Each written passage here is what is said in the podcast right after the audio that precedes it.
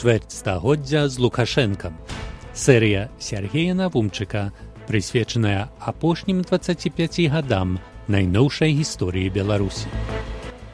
У гісторыі пра збіццё дэпутатаў Верховнага Савета 12 красавіка 95 -го года ў вальны зале, пра якую сённяшні расповед, да гэтага часу застаюцца афіцыйна невядомымі асноўныя выканаўцы. Хто былі тыя некалькі дзясяткаў людзей у чорных трыко і ў чорных масках, якія непасрэдна накінуліся на дэпутатаў, выкручвалі руки, потым будуць казаць пра неапраўданую жорсткасць. Адзін з іх спрабаваў нават выціснуць вочы пазняку. Генеральная прокуратура прыпыніла справу менавіта з гэтай прычыны немагчымасць вызначыць канкрэтных выканаўцаў збіцця. Імёны ж арганізатараў і натхняльнікаў, канешне, вядомыя але на пачатку невялікая рэтраспекцыя. 95 год пачаўся са спробаў больш моцна прывязаць Беларусь да рассіі. У сакавіку Лукашенко прапанаваў вярхоўнаму савету прызначыць дату рэферэндуму па наступных пытаннях. Ці згодны вы з наданнем рускай мове аднолькавага статусу з беларускай? Ці падтрымліваеце вы прапанову аб устанаўленні новых дзяржаўнага сцяга і дзяржаўнага герба Рэспублікі Беларусь? Ці падтрымліваеце вы дзеянні прэзідэнта Рэспублікі Беларусь скіраваныя на эканамічную інтэграцыю з расійскай федэрацыі. Ці згодны вы з неабходнасцю ўнясення змяненняў у канстытуцыю Рэспублікі Беларусь, якія прадугледжваюць магчымасць датэрміновага спынення паўнамоцтва вярхоўнага савету прэзідэнтам Рэспубліку Беларусь у выпадку сістэматычнага ці грубага парушэння канстытуцыі. Дэпутаты заявілі, што некаторыя прапанаваныя лукашэнкам пытанні не адпавядаюць канстытуцыі. Вычарпаўшы ўсе магчымасці ўплываць на парламентарыяў, 11 красавіка 19 дэпутатаў апазіцыі бнф абвясцілі галадоўку ў авальнай зале мы селі перад прэзідумам перад нашымі калегамі дэпутатамі і тут адбылося нечаканае пытанні прапанаваныя лукашэнкам пачалі правальвацца яны не набіралі неабходнай колькасці галасоў дэпутату такім чынам рэферэндум мог быць сарваны гэта быў поспех апазіцыі бнф і правал прэзідэнта і вось тады праз некалькі гадзінаў у ноч з 11 на 12 красавіка у авальную залю былі ўведзеныя войскі. Цягам наступных гадоў пра драматычнай падзеі той начы дэпутаты неаднаразова ўзгадывалі на хвалях радыасвабода. Гэтай падзеі каментавалі палітыкі, юрысты, грамадскія дзеячы.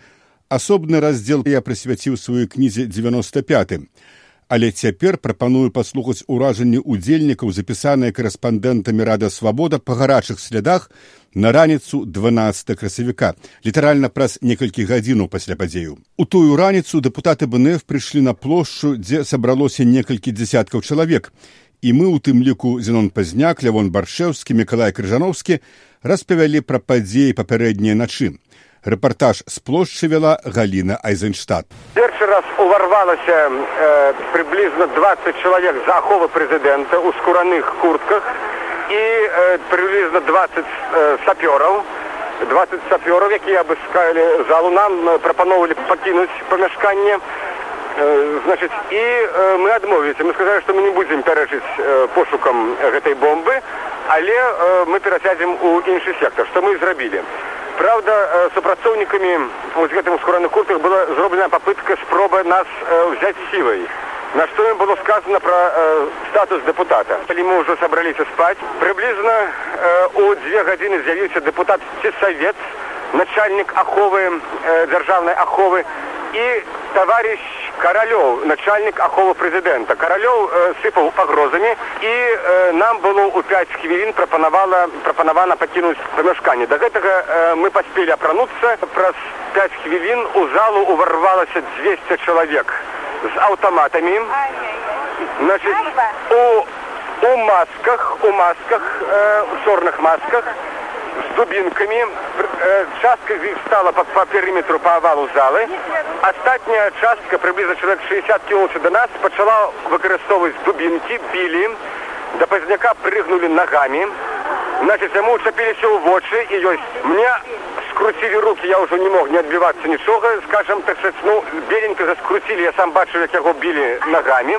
І тут я перапыню запіс уласнага выступу на плошчы раніцай 12 красавіка каб уключыць фрагмент інтэрв'ю якую увечары таго ж дня зенон пазняк даў карэспандэнцы рада свабода ларысе верас. У ім ён прыгадывае адзін істотны эпізод тае начы Як вы себе адчуваеце бо мы чулі што на вас напалі і вам там вока хацелі выбіць ну да было тут усяго тут і разбівалі вочы і насы там баршэўскаму все ну это бандыты справа тым што гэтыя людзі якія напалі это былі не беларусы гэта рускія крымінальнікі якіх наварбаваў лукашенко з рассіі яны нават не грамадзяне беларусі і там яны з асобай ненавісцю ўсё беларускай там усе усе дарэчы добрыя так чулі мы з іх маскі там з некаторых паздзіралі каб паглядзець на гэтыя монгольскія фізіяноміі Гэта быў фрагмент інтэрв'ю, якое Зенон пазняк даў раду свабоду ўвечары 12 красавіка. Мангольскія твары, як выказаўся пазняк, меліся на ўвазе азіяцкія.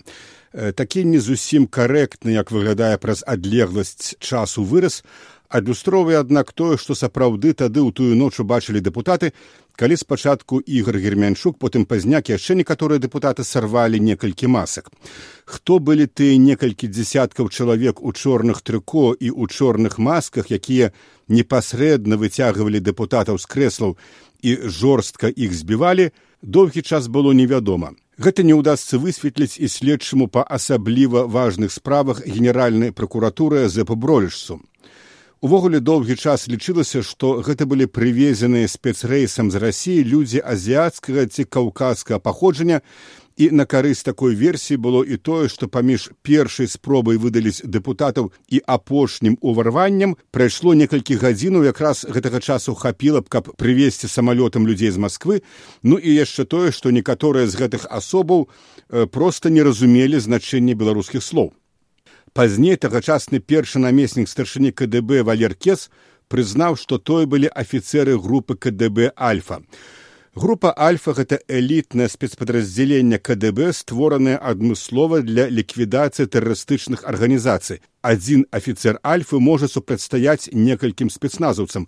Але вось што цікава, літаральна тады раніцай 12 красавіка ад некага з э, супрацоўнікаў верхоўнага савета апараты верхоўнага савета я пачуў што нас збівала альфа. На жаль не магу прыгадаць э, імя просто не памятаю як звалі таго чалавека. Да тэмы хто удзельнічаў у збіцці дэпутатаў мы яшчэ вернемся а цяпер зноў фрагмент ранішняга рэпартажу з плошчы перад домам ураду. Пра начныя падзеі ў вальнай зале людзям на плошчы распавядае лявон баршэўскі бандитский напад, специальные оковы президента. Это было в такой жорсткой форме, прикладно 200 человек в масках с автоматами за плечима накинулись и стали сбивать ногами депутатов и били дубинками, прикладами. Мне закрутили руки и покуль вели по колу овальной залы, а ОМОНовцы кожный, который сустракал мне кулаком бил твар. Вот таким чином это э, отбывалась бандитская акция. Все 19 депутатов отрымали пошкоджение разной ступени тяжкости. Э, причем э, это было сапраўды э, реакция абсолютно неадекватной. Мы не оказывали активного сопротивления силам. Этой силы, выражающейся нецензурной лаянкой, э, напали на депутатов. Чуть, наносили удары ногами, вот, скажем, депутату Беленькому. Ну и остатних так само выкручивали руки, выламывали практично. Вот э, таким чином. Потом кидали по пять человек э, животом на подлогу у милицейские воронки. Скажи, калі ласка, сапраўды Зянона Пазняка больш з усіх пабілі? Зянон Пазняк, э, ну, будучи человеком подрыхтованным до боек, э, в принципе, э, змог э, без тяжких побоев обойтись, але ОМОНовец схопил его за вока э, рукой и спробовал выдавить ему вока. И после этого он зараз вот был там у медычной установе, павінен быў там рабіць рэнген. Гэта гаварыў Лявон Баршчеўскі, а цяпер слова Николаю Крыжановскому. Бачите, у меня вот два гудзики выдраны. Меня схопили, закрутили руки, выбили левое плечо вывихнуто. Мы побои сняли. У многих есть синяки на, на спине, на плечах, э, на твари, на руках, на ногах. Нас просто вытягнули по 5-6 человек, вытягнули из этой залы и э, кинули в воронки. На гэтых варанках нас разнеслі раз, давезлі ў цэнтра э, мінска там высадзілі а дэпутата сута збілі дубінкамі калі э, высажвалі на пытанне калі яшчэ прыйшоў савет на пытанне чый вы выконваеце загад нас отсюда выставить он сказал что указание дал президент. Очистить зал любой ценой.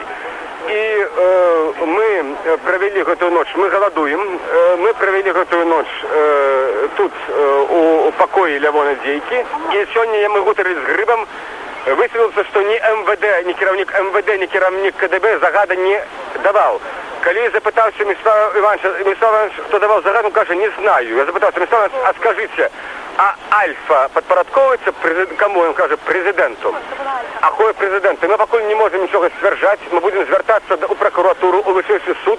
Мы паведамілі усе прадстаўніцы дыпламатычныя э, тут на беларусі і мы э, лічым што это прызвол для нас цяпер мэта гэта усталяваць законнасць і канстытуцыйнасць тут у гэтай краіне. Бо калі сёння прылілася кроў дэпутатаў заўтра прольецца кроў проста грамадзянаў Пасля гэтага Сергей Навумчык запрасіў журналістаў перайсці плошчу незалежнасці ў будынак гарсавета. І апазіцыя мела намер наладзіць прэс-канферэнцыю. Аднак там усіх чакалі шэрагі міліцыі ці амана, якія пачалі браць людзей у кальцо і выштурхоўваць у праём паміж будынкамі гарсавета і універсітэта. Прычым дзейнічалі даволі бесцырымонна, прымяняючы сілу так, што абураныя людзі пачалі скандыраваць. Лявон Баршчеўскі, у якога пасля ўчарашняга збівання і цяпер раптам пацякла кроў з носу, Валянцін Голубеў, Мікалай Крыжановскі, іншыя дэпутаты апазіцыі паспрабавалі засароміць аманаўцаў, але яны не слухалі іх. Да мяне падышоў прафесор Крукоўскі. Я проста абураны тым, што зараз адбываецца. Гэта фактычна адбываецца фашысцкі пераварот. Вось што робіцца сёння, гэта фашысцкі пераварот. Зянон Пазняк паспрабаваў абараніць людзей, патрабуючы ад амонаўцаў весці сябе належным чынам, але гэта не вельмі на іх уздзейнічала. Што вы робіце? Што вы робіце?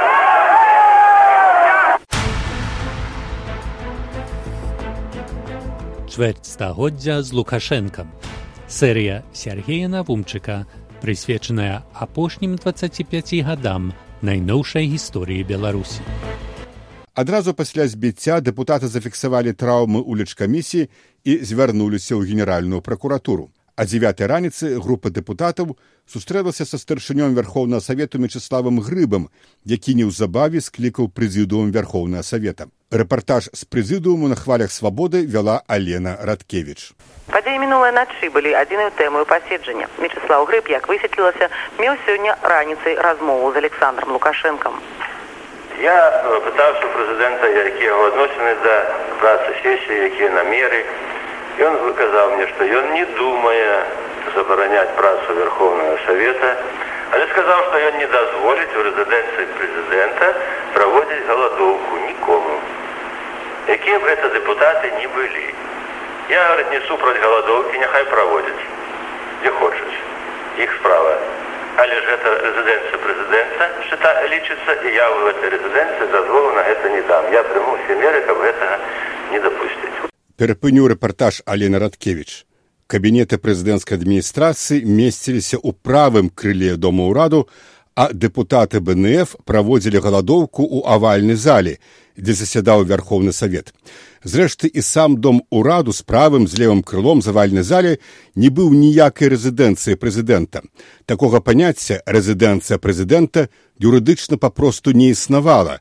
Гэта вынік фантазіяў лукашэнкі ягонага жадання прысабешыць сабе тое, што яму не належыць. Але паслухаем, што казалі члены прэзідыуму, калі бы іх дзеянні у той дзень адпавядалі іх словам, гісторыя беларусі магла пайсці па іншым шляху. Прапанавалі выказацца сябрам прэзідыуму. Слова ўзяў нілгілевич ну раз ужо такое вышэйшае соизваленне нам дадзена что все таки мы можем собраться там. Ну подзякуем і збяромся. І збяромся але перш за ўсё ад імя прэзідуума я прапаную унесці на разряд пытання об отмене принятых нами постанов, якія датычаць рэферэндума. Адмяніць пастанову, якую мы ухвалілі э, у аснове, адмяніць пастанову аб 14 абдаче рэферэндума і па аднаму з гэтых пытанняў, якое было прынята. Калі мы гэта зробім, мы хоць трошку уратуем гонар свой гонар Верховна Савета. Калі мы гэтага не зробім, ну тады тады няма сэнсу далей нам, конечно, працягваць працу ні там, ні тут. Это маё такое перакананне. Сёння хацелася пагаварыць пра многае у тым ліку і пра тое, як мы збіраліся перад прыняццем канстытуцыі на нарады. У вас містаўваныя ж я вас усіх просьма прасіў не выносіць і не прымаць прэзідэнцкую форму праўлення кіравання ну не прыслухаліся цяпер здаецца мы ўжо ўсе наеліся гэтай формы кіравання зразумелі что такое. Николай Савицкий. я думаю что если уж ставить вопрос то речь идет о том, если приказ о насильственном физи физическими оскорблениями действием был, исходил от президента, значит мы должны или ставить вопрос о его отставке, или ставить вопрос о том, что в отставку уходим мы. Середины, к сожалению, нет. Вядома, дэпутатам мала даспадобы самім падавацца ў адстаўку. Аднак гонар абражаны і бадай найбольшым дэмаршам з усіх магчымых быў намер не праводзіць паседжання ў зале савету міністраў, дзе бяспека не гарантаваная. Хаця падрыў іміджу заканадаўчай улады закрануў усіх. Нават зазвычай стрыманы Мечыслаў Грыб прамою сакраментальную фразу. Я хотел бы заважить наступное. Еще ніколі мы так близко не знаходзіліся до грамадзянской войны, как сегодня. Зразумела, што многія захацелі выслухаць меркаванне генеральнага прокурора. І тут Васіль Шаладонаў праявіў сябе прынцыпова і годна. Второй вопрос, просто для информации, я сегодня собрался в коллегии начальников отдела, и мы однозначно приняли решение о возбуждении уголовного дела. Мы считаем, что депутаты, которые делили голодовку, ничего не нарушили. Так мы сказали все буквально. И последующие действия которые были совершены, на мой взгляд, носят действительно им нужно давать оценку коррективно. Но хватит и воли. Вчера посмотрели, как голосовали про депутата Теревича. Потому что многие сегодня уже определились. Лучше теплое место, чем, извините меня, активная позиция в жизни. Как это скоро эта активная позиция перейдет на те, которые теплое место получат. Скоро они получат холодное место. Второй момент, который я бы сегодня сказал, что настораживает то, что, ну, сегодня меня, по крайней мере, даже доминирование Совета Министров, охраняемого здания снаружи, внутри везде, это надо давать тоже оценку, а не просто брать. Это не, это не вокзал, который входят люди. Какие-то люди просмотрели, в случае чего. Вы знаете, разжимный проход в этом здании. Звонок поступил о минировании здания Совета Министров не по 02, а по телефону, который население не знает. Тое, што правакацыйны званок раздаўся па нумары, вядомым толькі нямногім, трохі прасвятляе сітуацыю. Аднак нават некаторыя хлопчыкі з КДБ сёння ўначы ў будынку, дзе галадалі дэпутаты, выглядалі шчыра збянтэжанымі і канфідэнцыйна пыталіся, каму патрэбная была такая дзікая акцыя, відавочна неадэкватная сітуацыя, якую можна было спусціць на тармазах, і якая натуральна б затухла са спыненнем праз два дні працы парламенту. Дэманстрацыя грубай сілы, якая не спыніцца ні перад чым, прымусіла сёння задумацца і некаторых членаў прэзідыуму. Яны ўбачылі, што раз'яднаныя нічога не змогуць супрацьпаставіць гэтай сіле. Так, учора здаліся рэдзіша сёння апазіцыю, заўтра ім папераламаюць хрыбет, тым вядома, у каго ён яшчэ застаўся, усім паасобку. Паказальна, што вырашыўшы прыняць палітычную заяву пратэсту, сябры прэзідыуму доўга не маглі знайсці ў сваіх шэрагах ахвотных узначаліць групу па выпрацоўцы заявы.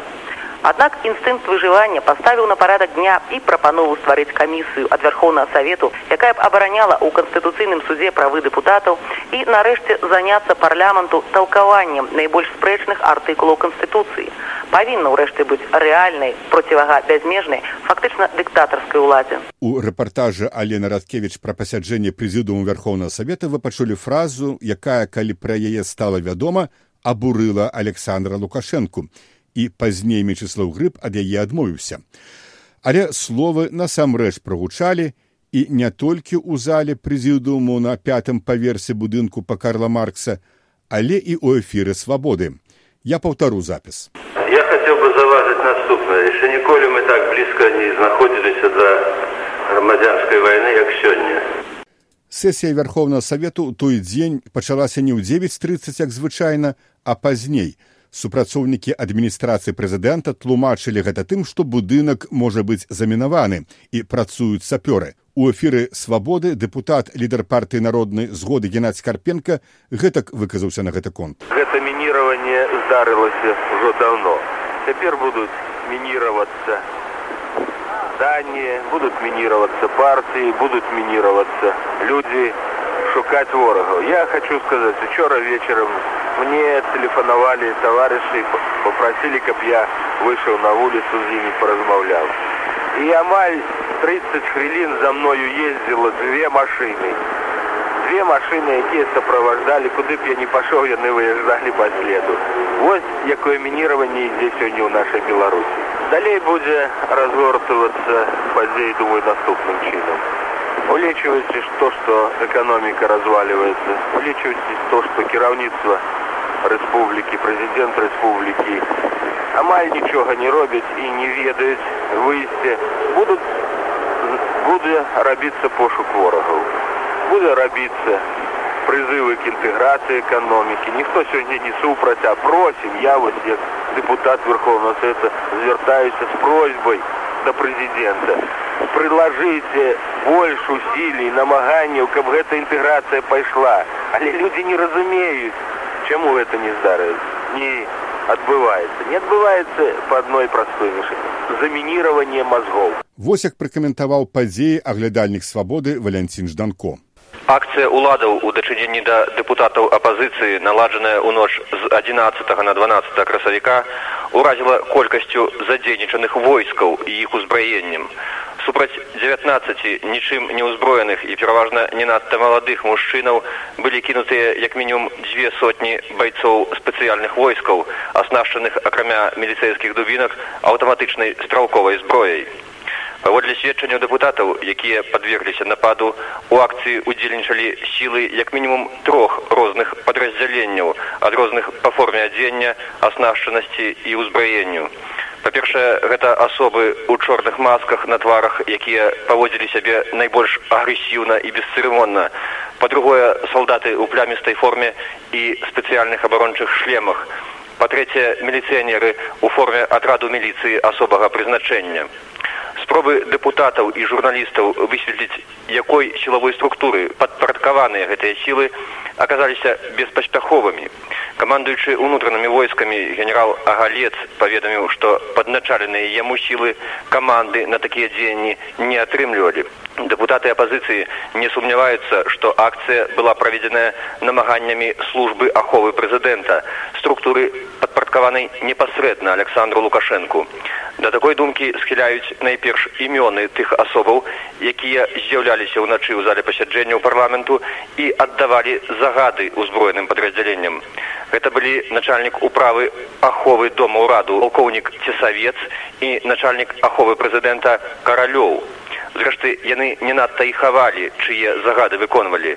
Дэпутат владимир заблоцкі аналізуючы вайсковы аспект наладжанай акцыі не без сарказму заўважыў што ролю галоўнакамандуючага ў ёй выконваў прэзідэнт ролю начальніка штабу кіраўнік адміністрацыі леонид сініцын а ролю начальніку тылу начальнік кіраўніцтва спраў иван цецянкоў Дэпутаты апазіцыі, распавядаючы пра начны напад, не маглі знайсці лагічнага абгрунтавання таго, дзеля чаго прэзідэнту спатрэбілася прымяняць такую несуразмерную сілу. І сапраўды, з пункту гледжання разважнага сэнсу гэтаму цяжка знайсці разумнае абгрунтаванне. Справа хутчэй за ўсё у псіхалагічнай напружанасці сітуацыі і у імпульсыўнасці натуры таго хто аддаваў загад на прымяненне такіх сілаў. Бессэнсоўна шукаць логіку там дзе ўчынкамі кіруюць помслівасць і істэрычнасць. Іронія лёсу александр лукашенко не можа не памятаць як усяго девять месяцаў таму у гэтым жа будынку дома ўраду ахова вячаслава кебіча пінала нагамі яго будучага прэзідэнта пры спробе ўвайсці ў апячатаны кабінет антыкарупцыйнай камісіі той замах на дэпутацкую недатыкальнасць лукашэнкі разрэкламаваны потым прэсай дорага каштаваў кебічу І вось сітуацыя паўтараецца толькі ў несуразмерна большых маштабах. Тыя ж амонаўцы топчуць нагамі і заломваюць рукі колішніх калегаў лукашэнкі, зноў дэманструючы, што ў гэтых сценах нічога не каштуюць ні дэпутацкія гонар і годнасць, ні закон аб статусе парламентарія, ні элементарныя нормы маральнасці. На сесіі вярхоўнага савета александр лукашенко выступіў з нервовай прамовай у якой заяўляў што нібыта дэпутаты бнф дасталі нажы і пагражалі зарэзаць саміх сябе заліць дом ураду крывёю што нібыта ніхто дэпутатаў не збіваў што іх акуратна вынеслі і развезлі па дамах і нават абяцаў паказаць па тэлебачанні відэастужку рашучы настрой які панаваў кіраўнікоў вярхоўнага савета саступіў месца разгубленасці У той час як у вярхоўнага савета былі падставы стварыць парламенцкую камісію для расследавання начных падзеяў і ў выпадку датычнасці да іх александра лукашэнкі распачаць працэдуру імпічмента а лукашенко наўпрост заяўляў што кіраваў аперацыі эвакуацыі дэпутатаў большасць дэпутатаў спалохаліся і прагаласавалі за рэферэндум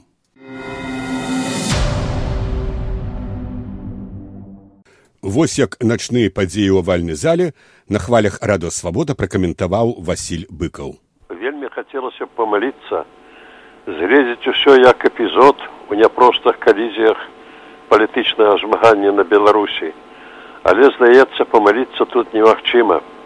Тое, што адбылося ў апошнія дні, ёсць нешта іншае, чымся прылюдыя фашыстоўскага перавароту, калі група асобаў учыняе крывавую лазню у сценах парламенту і захоплівае ўсю паўнату ўлады ў краіне. Адбылося тое, што нядаўна адбывалася хіба што ў шэрагу лацінаамерыканскіх краінаў, у чорнай афрыцы, некаторых краінах Азіі.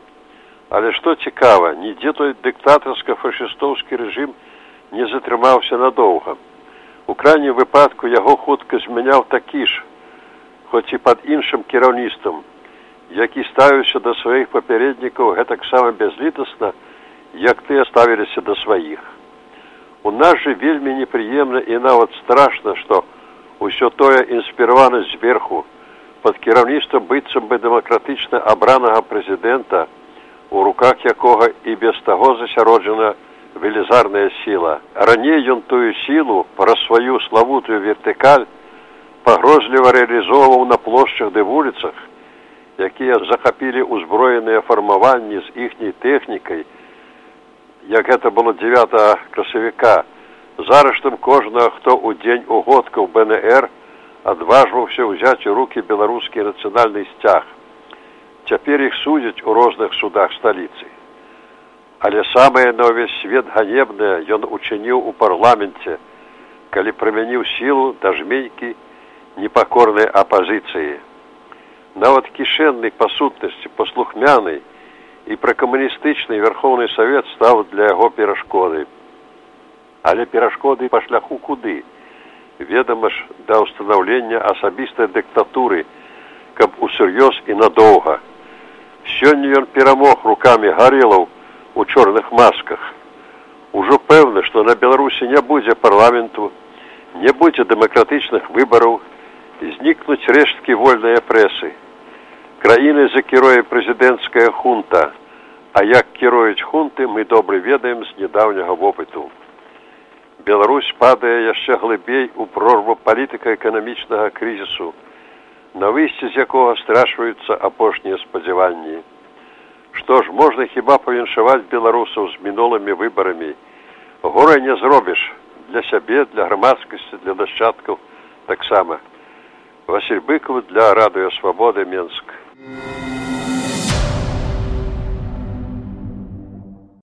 4 лістапада 95 -го году генеральная прокуратура прыпыніла крымінальную справу па факце збіцця дэпутатаў з афіцыйнай пастановы падпісанай следчым па асабліва важных справах язэпам бролішцам вынікала што пракуратуру ўдалося вызначыць што ў ноч з 11 на 12 красавіка 95 -го году у доме ўраду былі вайскоўцы ўнутраных войскаў. Ваеннай часткі 3214 у колькасці 37 чалавек першай роты вайсковай часткі 5448 у колькасці 43 чалавек, атрад міліцыі асаблівага прызначэння мус у складзе 86 чалавек, 24 служачых галоўнага ўпраўлення аховы мус. Гэтыя вайскоўцы паказалі, што гвалту да дэпутатаў не прымалі. Далей у пастанове адзначаецца, што акрамя вышэйназваных, у доме ўраду былі і прымянялі актыўныя дзеянні ў дачыненні да дэпутатаў падраздзяленні ведамасная прыналежнасць і асабісты склад якіх следствам не вызначаныя дадзеныя аб удзеле ў падзеях якія расследуюцца ваенізаванага фармавання в органаў дзяржбяспекі па барацьбе з тэрарызмам кіраўніцтва кДб не пацвердзіла. Датычнасць войска да падзеяў у доме ўраду міністэрства абароны адмаўляе тут я перапыню цытаванне Праз пару гадоў тагачасны першы намеснік старшыні КДБ генерал Кес сказаў журналістам, што людзьмі ў чорных масках былі менавіта афіцэры групы КДБ Альфа. Ну а што ж з відэазапісам начных падзеяў, які Александр Лукашенко абяцаў паказаць па тэлебачанню пацвярджэнне таго, што дэпутатаў нібыта ніхто не збіваў, што іх акуратна лезні на руках вынеслі. Цытую дакумент генеральнай прокуратуры далей управленнем аховы пры прэзідэнце Рэспублікі Беларусь неаднаразовыя запыты пракуратуры пакінутыя без рэагавання. Касеты відэазапісу, зробленага ў зале паседжання вярхоўнага савету, адміністрацыя прэзідэнта следству не перадае. Змест касету мае істотнае значэнне для выяўлення кола удзельнікаў падзею, якая расследуецца. Старшы следчы па асабліва важных справах Язэп Броліш следства прыпыніў з прычыны невыяўлення асобаў, якіх трэба прыцягнуць у якасці абвінавачаных. У адстаўку з пасады генеральнага пракурора быў адпраўлены Васіль Шаладонаў, які ўзбудзіў крымінальную справу і справа была адпраўленая ў архіў. Якое значэнне мелі тыя падзеі ў авальнай зале?